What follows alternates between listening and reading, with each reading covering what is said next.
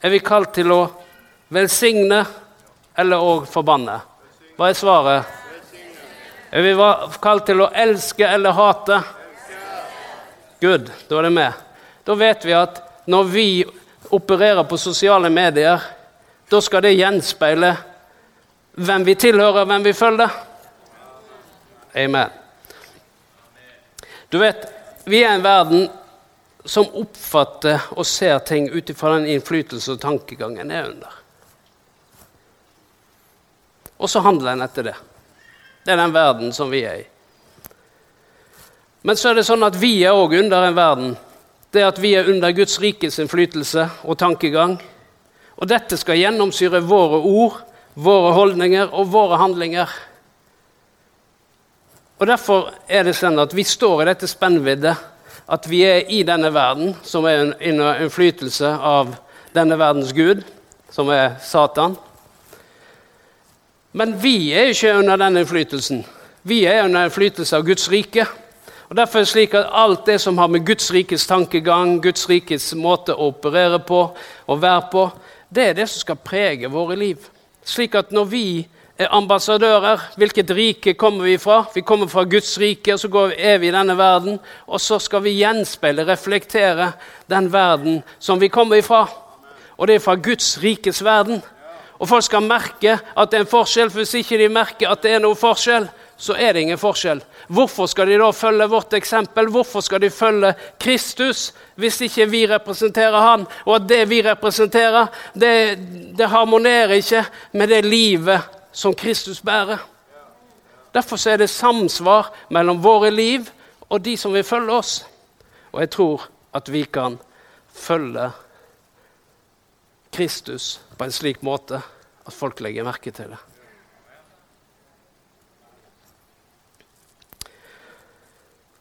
Det er jo sånn at Gud har ting på sin agenda. Dvs. Si, hva er det viktigste på Guds dagsorden? Er det menigheten, Israel, endetiden, ondskapen i verden? Er det klimakrisen han er opptatt av? Det kan godt hende. Da er han opptatt av alle disse tingene. Men eh, hans viktigste prioritet er menneskene. Og vi er jo avhengig av at ondskapen ikke øker, at klimaet ikke blir dårligere, at endetiden blir bra, menigheten fungerer og at Israel er en nasjon. Vi, vi er jo avhengig av det òg. Ja, men klarer vi fint uten Israel? Ja, men klarer du fint uten Norge? Israel klarer seg ikke uten Israel. Men eh, det var et helt annet tema. Men, men i hvert fall eh, Gud har mennesket på sin agenda. Han er opptatt av folk. Og i Johannes 3, 16 står det 'For så høyt har Gud elsket'. Hva har han elsket? Han har elsket verden at han ga sin sønn den enbårne, for at hver den som tror på han, ikke skal gå fortapt, men har evig liv. Og Gud sendte ikke sin sønn til verden for å dømme verden, men for at verden skulle bli frelst ved ham. Så det handler om kjærlighet. Det handler om at Gud elsker menneskene. Og han elsker dem så høyt at han gav sin egen sønn for hver enkelt en av oss. Og det er slik at Hvis Gud elsker verden, betyr det at han elsker alt som er i verden? Alt som skjer i verden? Nei, men han elsker menneskene. Uansett hva de menneskene holder på med, så elsker Gud de menneskene. Uansett hvor mye de håner Gud, så elsker Gud de mennesker. Hvor mye de forakter eh, det som er skapt av Gud. Gud elsker fordi han er kjærlighet. Det er Guds natur. Det er å elske. Så hvis Gud elsker, hva skal vi gjøre da? Da skal vi elske. Og Når det står at Gud elsker verden, kosmos, så betyr det at han elsker mer enn bare de folkene som er på denne kloden. Han elsker hele sitt skaperverk. Verden som et skaperverk er en velsignelse. Mye av det som vi har i verden, det er en velsignelse. Det er en velsignelse for oss. Han vil at alle mennesker skal bli frelst i den verden. Men hele verden Han har skapt alt. Han har skapt himmelen og jorden.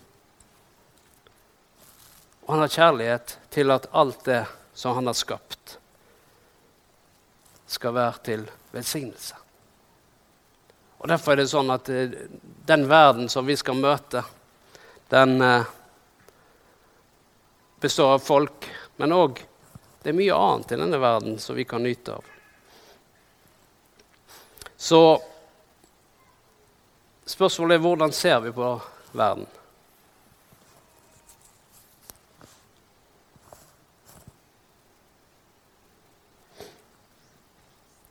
Det er alltid et spørsmål hvordan ser vi på den verden som vi er satt i og lever i. Bibelen sier jo helt klart at eh, vi ikke skal la oss prege av denne verden. Du har fått med deg det i Romerbrevet 12. Fordi at denne verden er under den ondes innflytelse. Så vi skal ikke la oss prege av den. Men betyr det at vi må isolere oss? Være redde for verden. At vi skal angripe ondskapen og den syndige livsstilen vi er vitne til.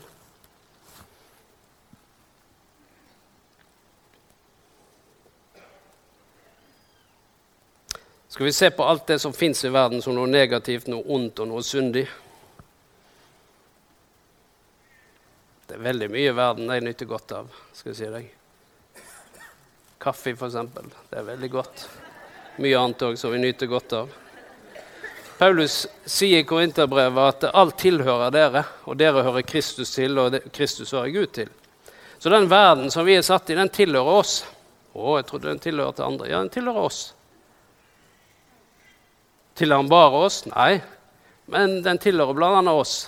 Og hvis det som Gud hadde tenkt å velsigne oss med, alle sammen. Hvis vi har en eller annen tanke om at verden er syndig, verden er ond verden, sånn. Ja, det skjer syndige ting og onde ting i verden, men det betyr ikke at alt i verden er syndig og ondt. Det er faktisk ting som kan velsigne deg. Jeg husker for lenge, lenge, lenge siden, på, i forrige århundre, så kom det trommer og elektrisk gitar til menigheten. Det var syndig, det elgitar. Det var, så det står noe syndig her på scenen i dag. Det står elgitar. Sånn gitar var helt godkjent. Det var godkjent. Mens den bak der, den var ikke godkjent. Fordi at den bak der, den ble brukt til å spille på dans. Men det tror jeg den foran der òg ble brukt til, før den andre bak der kom. Men det er en helt sak. Men den hadde forskjellig oppfatning om at det var noe syndig. Men det står at alt som har ånde, skal love Herren. Så derfor så kan dette instrumentet, syndige instrumentet som heter gitar og tromme, det kan brukes til å lovprise Herren. Kino og TV, det var noe syndige greier. Jeg fikk ikke lov å gå på kino. Det var selve huset som var syndig. Det var ikke hva de viste på den skjermen, men selve huset var syndig. Jeg fikk gå på kino etter hvert når jeg ble voksen. Bestemte sjøl. Jeg husker jeg sneik meg på kino og hadde dårlig samvittighet. En helt uskyldig film, men det var ikke det som var problemet. Det var at det, det var syndig. Sminke, øredobber, det var òg syndige ting. Takke Gud for sminke. Det er så fint. En velsignelse med sminke, er det ikke det?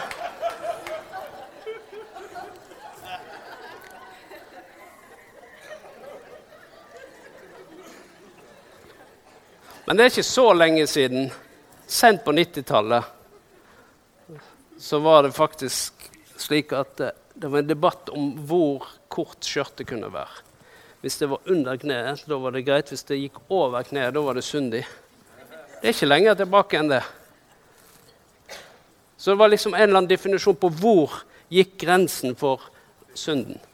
Eller som predikanten sa, skjørtene de blir kortere og kortere. Når skal vi se enden, sa han. Så. Det funker bare på norsk.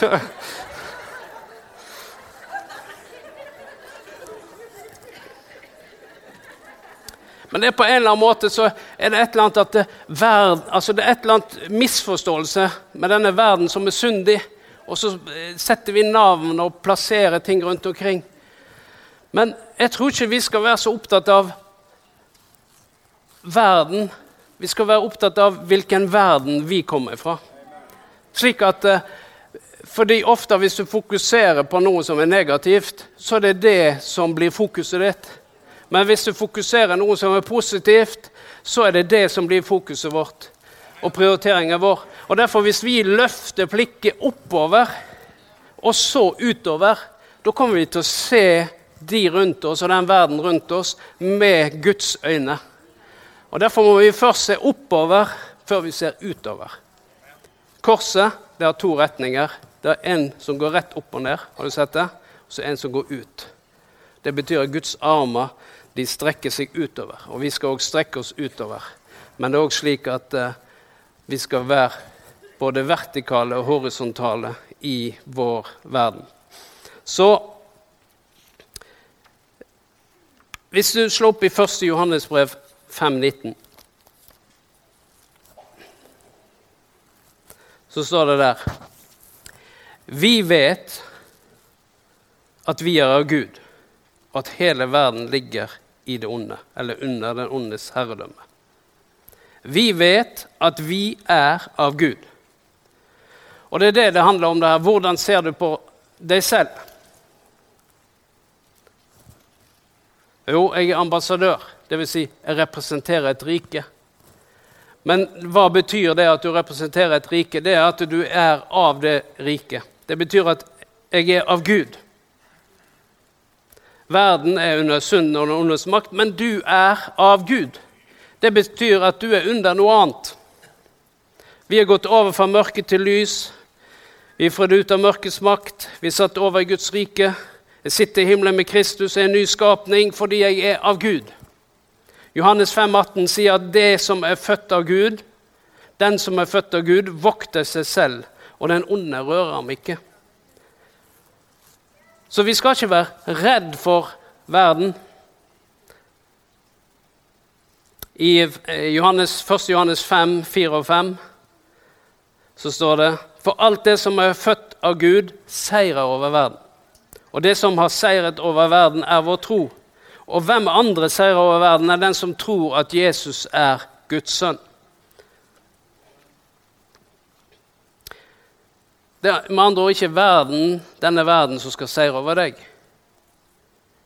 Men det er du som skal være seirende i verden. Det betyr at når vi går ut i denne verden, så går vi med det utgangspunktet. Vi går ikke med utgangspunkt om å, verden er skummel, verden er farlig, jeg kan bli preget av verden. Nei, Hvis du er preget av Gud, så kommer du til å prege verden av Gud. Men hvis du går ut i verden uten Gud, så kommer verden til å prege deg. Det er bare helt logisk. Det er det. Så enten påvirker vi, eller så blir vi påvirket. Det er ikke slik at du, du er nøytral. Svenskene sier de var nøytrale i krigen. Men det fins ikke noen nøytrale i den krigen vi er på. Det fins ingen nøytrale. Enten blir du påvirket, eller så påvirker du. Du kan ikke si 'nei, jeg stiller meg nøytral'. Jeg er agnostiker eller ateist eller hva. Jeg stiller meg nøytralt. Nei, det fins ingen nøytrale i denne verden. For hvis du har tatt stilling til noe, så har du allerede tatt et valg. Og det er slik at enten påvirkes vi, eller så blir vi påvirket. Men når vi går ut i verden, så skal vi gå ut i den mentaliteten. Jeg er ambassadør for Guds rike, og Guds rike er det som preger mitt liv. Så når jeg går ut i denne verden rundt omkring, så påvirker jeg den verden. Det er ikke denne verden som kommer til å endre min tanke, men da må vi hente inn fra Gud til enhver tid. Som sønn og datter av Gud så fikk du faktisk seieren i fødsel. Hva var det vi leste her? Alt som er født av Gud. Hva betyr det? Er det en seier som du må kjempe om? Er det en seier du må holde fast ved? Du fikk den i fødsel. For alt som er født av Gud, og du er jo født av Gud, for du er født av ny. Og derfor, på ny. Derfor er du av Gud. Og Det betyr at denne seieren, den fikk du med deg. Derfor er du over og ikke under.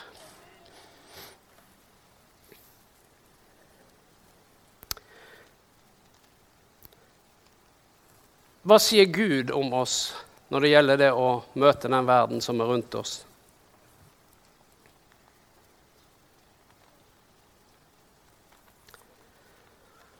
Jesus sier i Johannes 1633 Johannes evangeliet 1633, så står det at i verden har dere trengsel. I verden møter dere forfølgelse, møter dere motstand, press og ubehageligheter. Det møter dere i verden. Men så sier han, 'Men vær frimodig. Jeg har seiret over verden'. sier han. Så det han sier til, til disiplene, dvs. Si han sier til oss, det er at dere kommer til å møte motstand, press og ubehageligheter. Derfor så trekk dere unna, isoler dere, beskytt dere selv. Se, jeg kommer snart og redder dere, sier Herren. Hold ut, klamre dere fast og frykt ikke. Det står i neste vers. Jeg vet ikke om jeg bare kan slå over til neste vers. Nei, det står ikke det. Vet du hva det står? Vær frimodig, står det. I verden møter dere trengsel, gå hjem dere. Nei, det er ikke det han sier. Han sier verden møter dere trengsel, og så står det en vær frimodige. Hvorfor vær frimodige? Jo, hvis du vet hvem du tilhører. Hvis du vet at 'jeg er av Gud', hvordan møter du da det som er om, omkring deg? Med frimodighet. Og hvis du vet at Jesus Kristus allerede har seiret, og at du i fødselen fikk denne seieren innlagt, så betyr det muligheter, ikke trusler. Betyr det at ikke vi ikke vil møte vanskelige ting? Men uansett hva som skjer med oss, så har vi seiret. Om vi lever eller dør, så hører vi Herren til. Hva betyr det? Det betyr at vi har en evig seier. Så Derfor skal ikke vi være så opptatt av om vi lever eller dør, men at vi hører Kristus til. Det er det som vi skal være opptatt av. Og Uansett hva vi møter i denne verden, så lenge vi hører Herren til. For det fins martyrer, det fins folk som opplever andre ting enn det vi opplever. Men de vet hvem de tilhører. De vet at de er av Gud, og om de dør, så kommer de til Gud. Derfor så møter de døden uten frykt.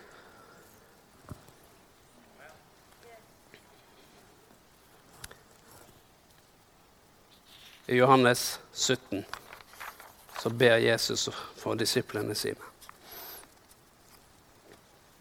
Vers 14 så sier han, 'Jeg har gitt dem ditt ord' men verden har lagt dem for hat. For de er ikke av verden, slik heller ikke jeg er av verden. Og så sier han noe. Jeg ber ikke om at du skal ta dem ut av verden, men at du skal bevare dem fra det onde, eller den onde. De er ikke av verden, slik jeg ikke er av verden.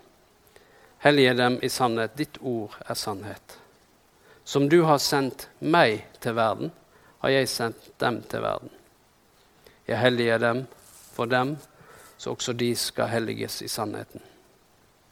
Og jeg ber ikke bare for dem, men også dem som gjennom deres ord kommer til tro på meg. Det er slik at Jesus har sånn tro på sine sønner og døtre at han sier jeg lar dere bli i denne verden. Hvorfor det? For han har sånn tro på det han har lagt inn i oss. Han har sånn tro på den seieren og det, det gudslivet, den nye naturen som er her inne, at han vet at den nye naturen har egenskapen i seg til å være en overvinner.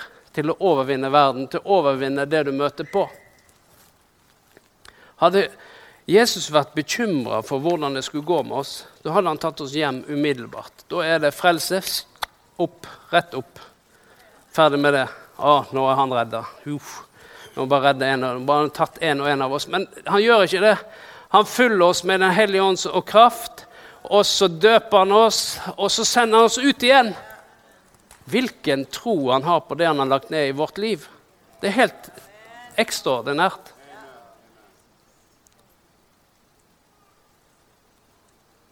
Og det er det vi skal se. Det er det at vi er av Gud. Vi er ikke av denne verden, vi er av Gud. Vi er i denne verden. Han har satt oss i denne verden. Han har sendt oss til å være her fordi at vi skal være lys og salt i denne verden. Skal gjenspeile Han i denne verden. Men vi skal ikke frykte verden. Men vi skal være frimodige og leve Kristuslivet midt i den verden han har satt oss i. Midt i denne onde verden. Men ikke tenk at alt i verden er ondt. Det er en feil tanke. Men tenk at uh, du skal faktisk prege den verden ved å elske, ved å velsigne, ved å gi det livet du har fått videre. Det er det som Gud har kalt oss til, til å representere Han som ambassadør i denne verden. Slik at folk kjenner igjen hvem du representerer.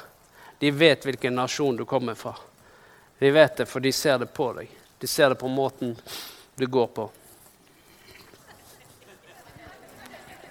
Nei, det, er noen ganger du kjenner folk på gangen. Men det, det handler om måten vi lever på. Måten vi lever på. Så merker folk det er noe annerledes. Det er noe annerledes. Jeg husker når um, siden, Det er 30 år siden vi gifta oss. Og på denne tiden, for 30 år siden så var meg og Tanja ikke gift. Men vi jobba i Oslo, på et sykehus der. Jeg jobba til og med der. Som ufaglært. For det var en spesiell situasjon, så vi måtte bare få oss jobb med en gang. Og fikk vi begge to. Men i hvert fall så var det slik at eh, på den eh, syke, gamlehjemmet eller sykehjemmet der i Oslo, midt i, i Oslo, beste vestkant, der jobba vi sammen med masse unge, unge folk. Og eh, vi fortalte ikke hvem vi tilhørte. De bare la merke til at valgene våre var veldig annerledes. Fordi vi skulle gifte oss om seks uker. Men selv om vi skulle gifte oss om seks uker, så bodde jeg på hybel i det huset. Og Tanja hadde leilighet. Det, bare husker det, men du gir deg det beste. sant? Så hun fikk en leilighet, og jeg hadde en liten hybel.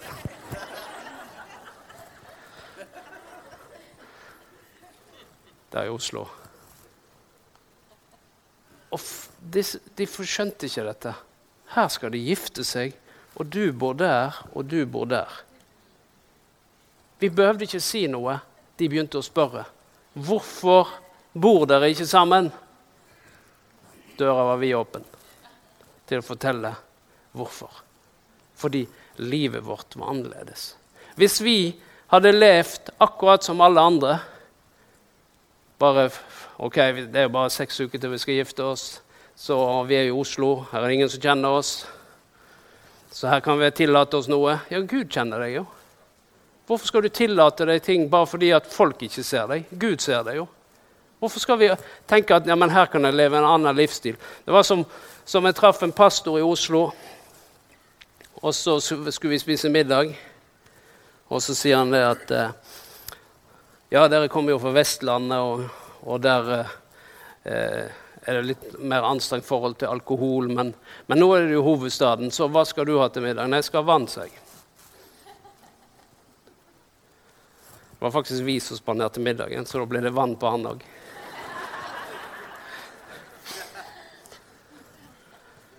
Så sier, så sier jeg det at eh, Nei, jeg drikker ikke alkohol uansett hvor jeg er i verden, sier jeg. Fordi at For meg handler det ikke om er det noen som ser meg nå. Ok, nå er det ingen som ser meg. Da kan jeg gjøre det, og da kan jeg gjøre det, og da kan jeg gjøre det. Nei, men Min integritet handler om at jeg gjør det innenfor Gud. Vi skal ikke gjøre mennesker til lags. er det det? Skal det sånn at vi har én livsstil når jeg er sammen med den, og én sammen med den, og så én når det er den? Og så endrer vi oss hele tiden. Vet du hva du blir da? Du blir forvirra. Derfor er det sånn, ta en beslutning. Her er grensen min. Og den grensen, for det, Hvis det ikke er noen grense, vet du hva som skjer da? Da vet du ikke når du krysser den. Men er det en grense, så vet du når krysser den grensen. Du kan ha andre ting som Dette, dette var mitt valg. Dette er min overbevisning. Ikke fordi det er synd, men jeg vet at noen ser på meg og tenker at ok, hvis han kan gjøre det, da kan jeg gjøre det. Så det er det det handler om for meg. For jeg er, en, jeg er pastor og er et forbilde her. Og hvis jeg sier ok, det er greit for meg å drikke Det her er ikke i teksten, det bare kom nå. bare sånn du vet det. Nei, så, så er det slik at da følger du mitt eksempel. Men det er ikke sikkert du har den grensa som jeg har. Dvs. Si, stoppe ved ett glass. Kanskje du stopper ved tre, fire, fem. Kanskje du ikke stopper i det hele tatt. Før du har gjort noe dumt. Noe du ikke hadde planlagt, noe du ikke hadde tenkt. Fordi at det som skjer òg med alkohol, det er at noen av de grensene, dømmekraften, forsvinner. Og så sier du gjør. Du legger kanskje noe ut på ut på Facebook som du ikke hadde tenkt. Fordi dømmekraften var plutselig Det er jo det jeg lurer på en del av de som legger ut. Er de, er de Mens andre de kan ha den grensa, og, og, det er helt fint. Men det samme òg når det gjelder ekteskap. Så var det slik at vi hadde satt en grense for oss selv. Og da visste vi. Og så hadde vi en annen livsstil som folk la merke til. Og så skjedde noen ting. De vi jobba sammen med, de tenkte Hva er det med de der? Så istedenfor å møte respektløshet, så fikk vi respekt. Og så åpna det opp til samtaler og forskjellige ting underveis. Og Derfor er det sånn at eh, hvis våre liv ikke er Det er ikke annerledes i det hele tatt. Det fins ingenting som folk legger merke til om at vi har et annet liv. Vi har andre verdier, vi har andre prioriteringer. Så er ikke sikkert det livet er så attraktivt. Så sier jeg, 'Hvorfor skal jeg bli som deg? Du er jo som meg.' Men hvis du sier 'Det du har, det vil jeg òg ha', det har, men det har med mye mer å gjøre. Nå bare tok jeg et par eksempel i forhold til hva som skjedde når vi valgte å ha en livsstil.